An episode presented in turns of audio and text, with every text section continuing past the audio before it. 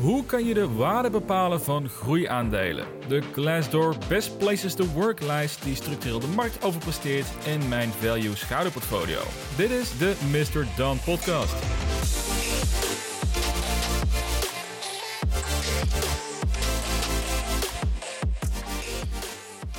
Leuk dat je weer luistert naar een nieuwe aflevering. Mijn naam is Jasper en in deze podcast focussen we ons op investeren in innovatieve groeibedrijven. Met een leuke aflevering vandaag, want we gaan drie dingen bespreken. Allereerst staan de koersen dit jaar flink onder druk, met onder meer de Nasdaq die al 8% is gedaald in de afgelopen twee weken. Dus dat is even door de zure appel heen bijten, zeker als je voornamelijk in groeiendelen of in tech zit. Maar tegelijkertijd biedt dat uiteraard ook geweldige kansen. Maar dan moet je die kansen wel zien te spotten. Dus vandaar dat ik jullie zo meteen ga vertellen wat mijn proces is in het waarderen van groeiaandelen en wanneer ik bepaal rond welke koers ik een positie wil openen. En geen zorgen, ik ben allesbehalve een financieel analist, dus ik heb slimme tools gevonden die het voor iedereen ontzettend eenvoudig maakt om een globale inschatting te maken wanneer een aandeel een interessante koers bereikt. Daarna wil ik het hebben over de Glassdoor Best Places to Work lijst van 2021. Dit is een lijst van de beste bedrijven om voor te werken op basis van werknemersreviews. En ik gebruik deze site continu als ik een aandeel analyseer, omdat dit een goede indicatie geeft over het management en hoe het wordt gewaardeerd door de mensen die er dus iedere dag werken. En deze top 20 van deze lijst die schijnt structureel de S&P 500 te overtreffen in performance. Dus ik ga de lijst met je doorlopen en ook mijn favoriete aandelen natuurlijk uitlichten.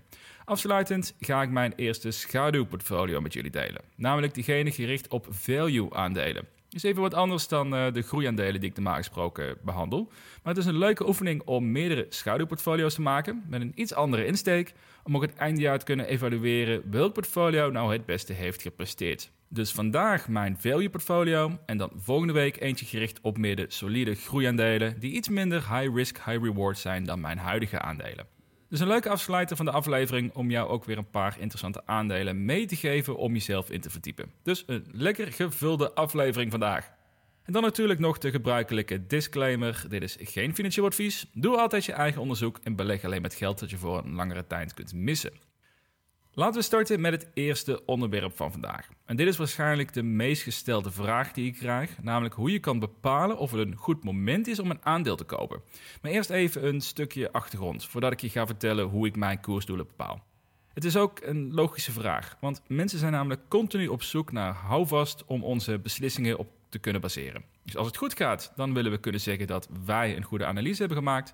En als het slecht gaat, ja, dan willen we eigenlijk kunnen zeggen dat de markt niet rationeel is en dat het aandeel nu nog verder ondergewaardeerd is. Het is eigenlijk een manier om met eventuele teleurstellingen om te gaan. Want dat is een gevoel ja, waar wij als mensen waar we hard ons best voor doen om die te vermijden. Vandaar ook dat het nemen van risico's ja, ook niet voor iedereen is weggelegd. En het gros van de mensen nog steeds liever hun geld op een spaarrekening zet. Ook al weten ze dat het een, uh, ieder jaar een inflatie geld kost. Of dat ze misschien beleggen in voornamelijk ETF's waar zo weinig mogelijk risico bij zit. En daar is helemaal niks mis mee, maar het verklaart wel een stukje psychologie achter het objectief willen bepalen van een koersdoel.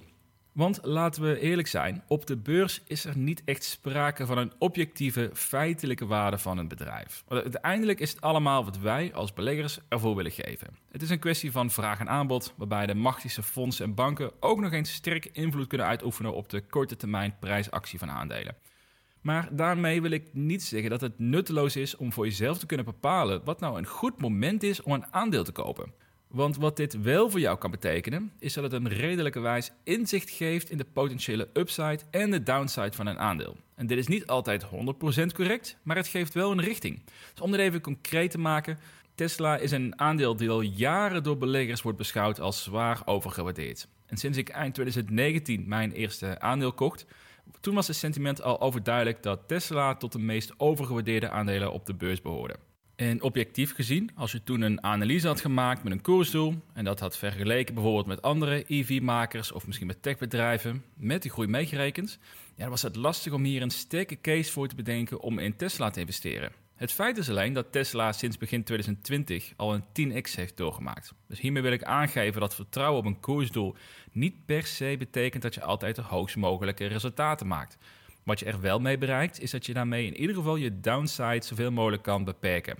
Tesla is een uitzondering op de regel, want als je kijkt naar het afgelopen jaar, er zijn veel groeiaandelen 60% of meer gedaald.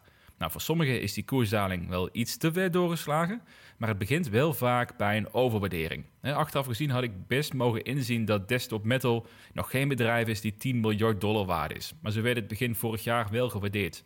Of het aandeel Lemonade, die verzekeringen aanbiedt op een volledig gedigitaliseerde manier met AI-ondersteuning, die was ook 10 miljoen gewaardeerd met een jaaromzet van 90 miljoen dollar. Nou, en als je daarbij een basisprijsanalyse had gemaakt, dan had je snel gezien dat de waarderingen eigenlijk veel te hoog waren.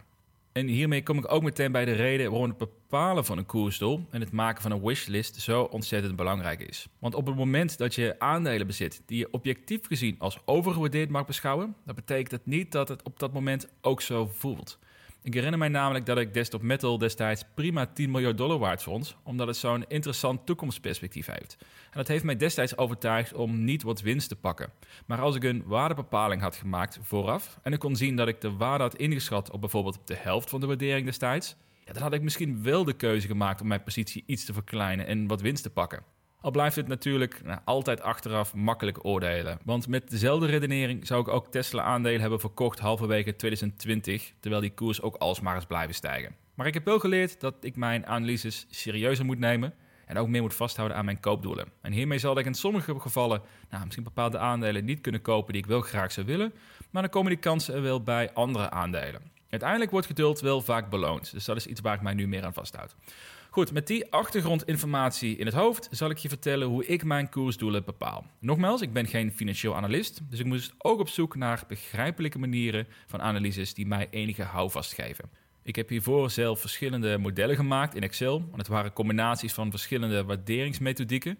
Maar waar ik al snel achter kwam, is dat dat uitstekend werkt voor de meer traditionele en volwassene eh, value-aandelen, maar niet echt voor het gros van de groeiaandelen. En de reden is simpel. Want als je de intrinsieke waarde van een value-aandeel wilt berekenen, wat meestal meer volwassen bedrijven zijn, dan kijk je voornamelijk naar de afgelopen 12 maanden. En die cijfers die zijn altijd beschikbaar. Dus je hebt alle input die je nodig hebt om je rekensom mee te maken.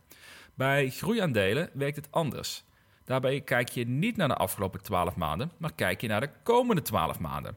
En die cijfers, ja, die heb je natuurlijk nog niet paraat. Dus je zult veel meer moeten gaan werken met aannames.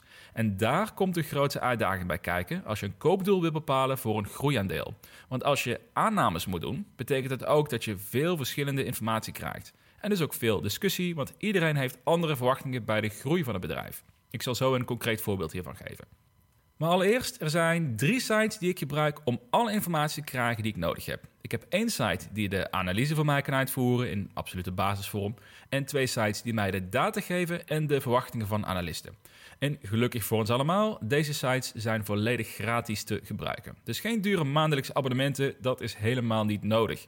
En ik zal de links van deze site ook in de show notes zetten. We beginnen met de site finbox.com. Dus F-I-N-B-O-X.com.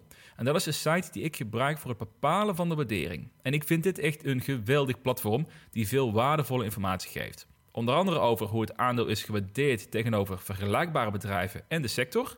Het geeft de financiële gezondheid van het bedrijf aan en het geeft een paar snelle pluspunten en minpunten. Dus laten we als voorbeeld Pinterest pakken. Een groeibedrijf met voldoende data en analyse achter zich om er iets zinnigs over te zeggen. Als je Pinterest opzoekt op Finbox, zie je onder meer dat de financiële gezondheid uitstekend is en dat de cashflow meer dan voldoende is om de rente te kunnen betalen. Een mogelijk risico wordt gezien is de relatieve hoge PE-ratio en dat de koers flink is gedaald in de afgelopen maanden. Nou, op zich is dat geen baanbrekende informatie, maar er zit een goudklompje verstopt in de platform. Je hebt namelijk de keuze uit verschillende financiële modellen die jou helpen om de waarde van het bedrijf te bepalen. Waaronder het discounted cashflow model, hetgeen ik standaard gebruik voor mijn analyses. Omdat dat een inschatting geeft van de waarde op basis van toekomstig verwachte cashflow. Ja, en dat is iets natuurlijk wat we bij groeiaandelen ja, als een cruciale factor beschouwen. Naast het discounted cashflow model zijn er nog meer opties om een waarde te bepalen. Zo heb je een model die het vergelijkt met soortgelijke aandelen op de beurs op basis van omzet, EBITDA of sales multiples. Bij ieder model die je gebruikt geeft je ook direct een inschatting van de fair value op basis van een bepaalde input die Finbox aanhoudt. Dus in het geval van Pinterest, als je kiest voor het discounted cashflow model op EBITDA basis voor de komende vijf jaar, dan geeft het platform een fair value van 27,5 dollar aan voor Pinterest. Daarbij staat ook meteen de upside of de downside. Dus in dit geval zou dit een downside van 19% kunnen betekenen. En op die pagina staat ook meteen een tabel. Waarbij een verwachte omzetgroei over de komende jaren en ook de EBITDA-marges is opgeschreven. En daarmee is deze fair value berekend. Nou, en nu wordt het interessant, want dat tabel dat kun je namelijk zelf aanpassen. Dus je bent niet alleen maar afhankelijk van wat Finbox vindt, wat de resultaten kunnen gaan zijn de komende jaren. Dus nu wordt het leuk. Dus we laten Finbox openstaan en we gaan tussendoor naar Yahoo Finance. En daar open ik de Pinterest-pagina en ga ik op zoek naar de consensus van analisten over de omzetgroei voor de komende vijf jaar. Nou, als je het aandeel zelf heel goed kent, dan kan je misschien zelf ook een inschatting maken. Maar bij het gros van de aandelen vertrouw ik zelf ook liever op mensen die hier hun beroep van hebben gemaakt. Dus op Yahoo Finance, op de Pinterest-pagina, ga ik naar het tapje Analysis in het menu. En dan zie je onderaan de pagina staan de gemiddelde growth estimates over de komende vijf jaar. Voor Pinterest verwachten analisten een jaarlijkse groei van 49,3%. Finbox gaat echter uit van een gemiddelde groei van slechts 23%. Dus als ik het tabel op Finbox aanpas, hè, naar die 49,3% omzetgroei gemiddeld per jaar, dan kom ik uit op een huidige fair value van ruim 50 dollar. Oftewel een upside van bijna 50%. Ja, en dat is nogal een verschil met hun eigen input. Dus als je Finbox gebruikt, besef dat je een beetje moet sleutelen aan de cijfers. Ik vind zelf 50% groei wel iets te hoog voor Pinterest. Ik ben iets conservatiever, dus ik pas de groei aan naar 40% gemiddeld per jaar. En dan kom ik uit op een fair value van 38,5 dollar. Dat is een upside van 13% vanaf de huidige koers. Nou, dan wil je altijd een margin of safety aanhouden, oftewel een extra buffer om je downside nog iets meer mee te beperken. Meestal houd ik zo'n 10 à 50% aan voor aandelen die een stabiele groei laten zien en die winstgevend zijn. En bij meer hoogst speculatievere aandelen zit ik eerder rond de 30%. Dus voor Pinterest kom ik tot de conclusie bij een fair value van 38,5 dollar minus de 15% margin of safety dat een koopdoel is van 32 dollar en 75 cent. En dat betekent dat momenteel Pinterest dus in mijn koopgebied zit. Nou, ik hoop dat dit een, een, duidelijk verhaal is. Het is sowieso nuttig om het zelf een keer te proberen, want het is echt heel simpel. Dus ga naar Finbox in de pagina van je gewenste aandeel.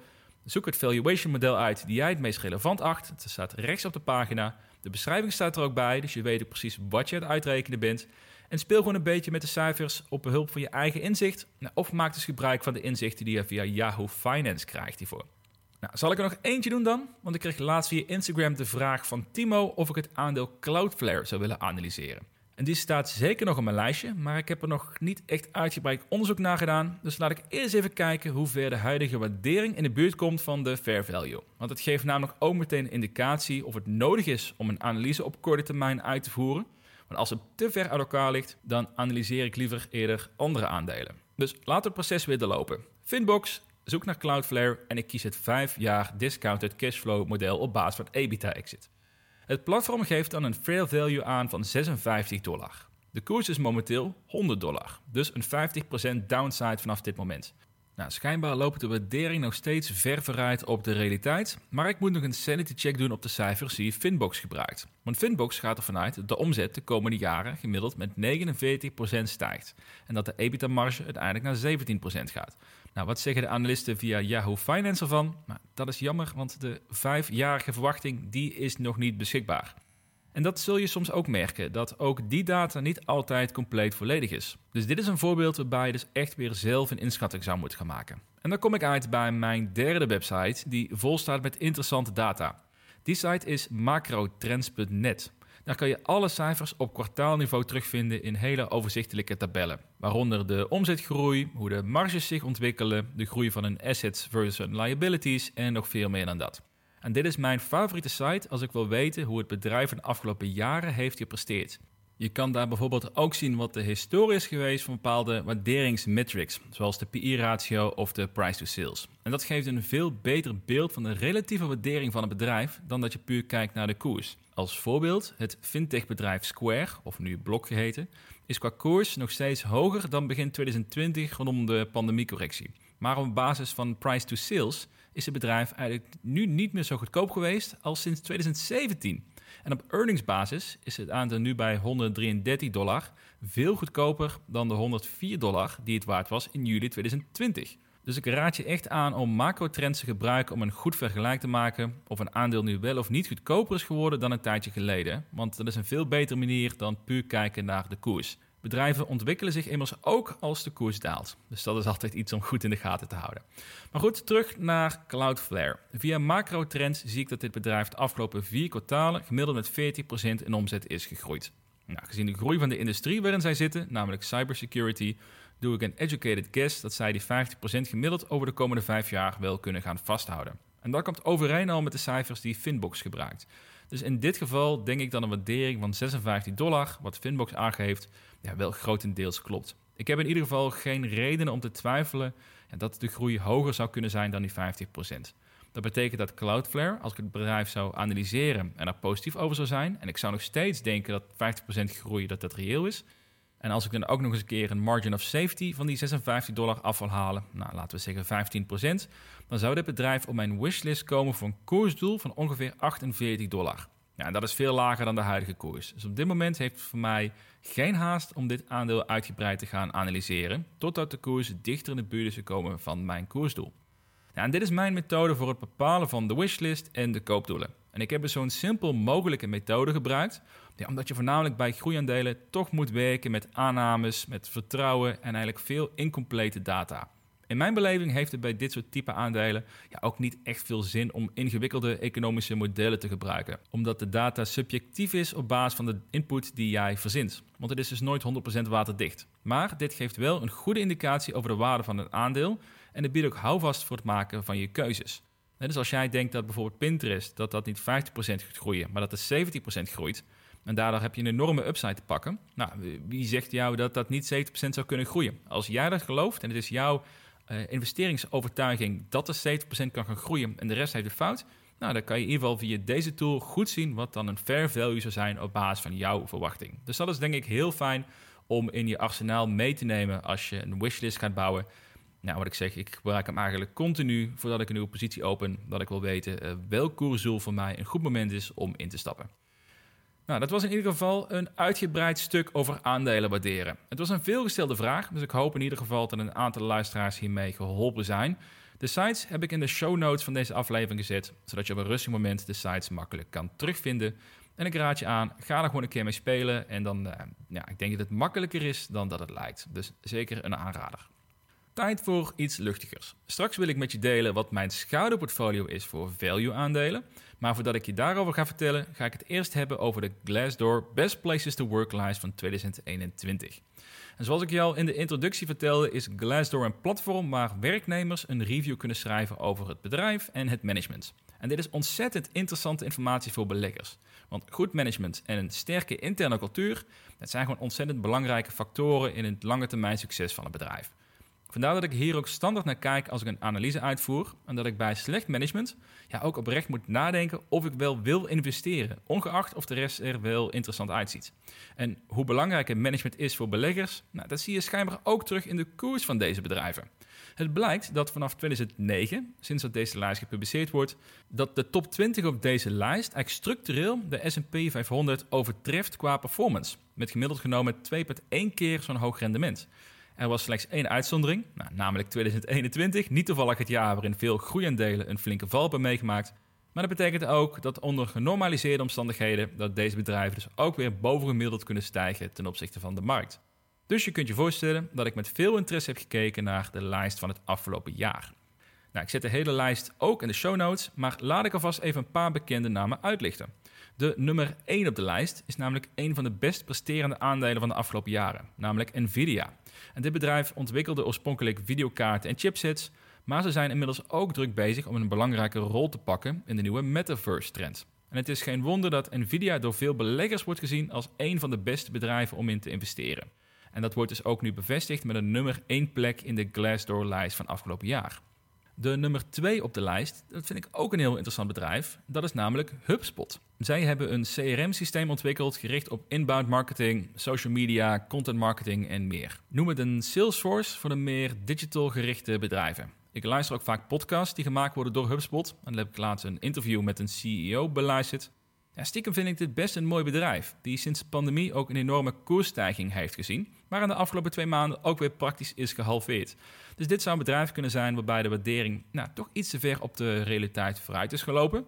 Maar mede door deze hoge waardering op de Glassdoor-lijst is het wel een aandeel waar ik binnenkort iets uitgebreider naar wil gaan kijken. Hebben we dan nog meer bekende namen in de top 20? Ik zie onder meer Google staan op plek 7. Salesforce staat op plek nummer 10. Twilio, ook een heel interessante, op plek 14. En Adobe op plek 16. Een opvallende verschijning vind ik de 20e plek voor de EV-startup Rivian. Ik krijg hier namelijk veel tegenstrijdige berichten over. Maar zo te zien zijn werknemers ontzettend tevreden met het management en de cultuur. En dat zou een, nou, misschien een extra reden kunnen zijn om Rivian een extra kans te geven.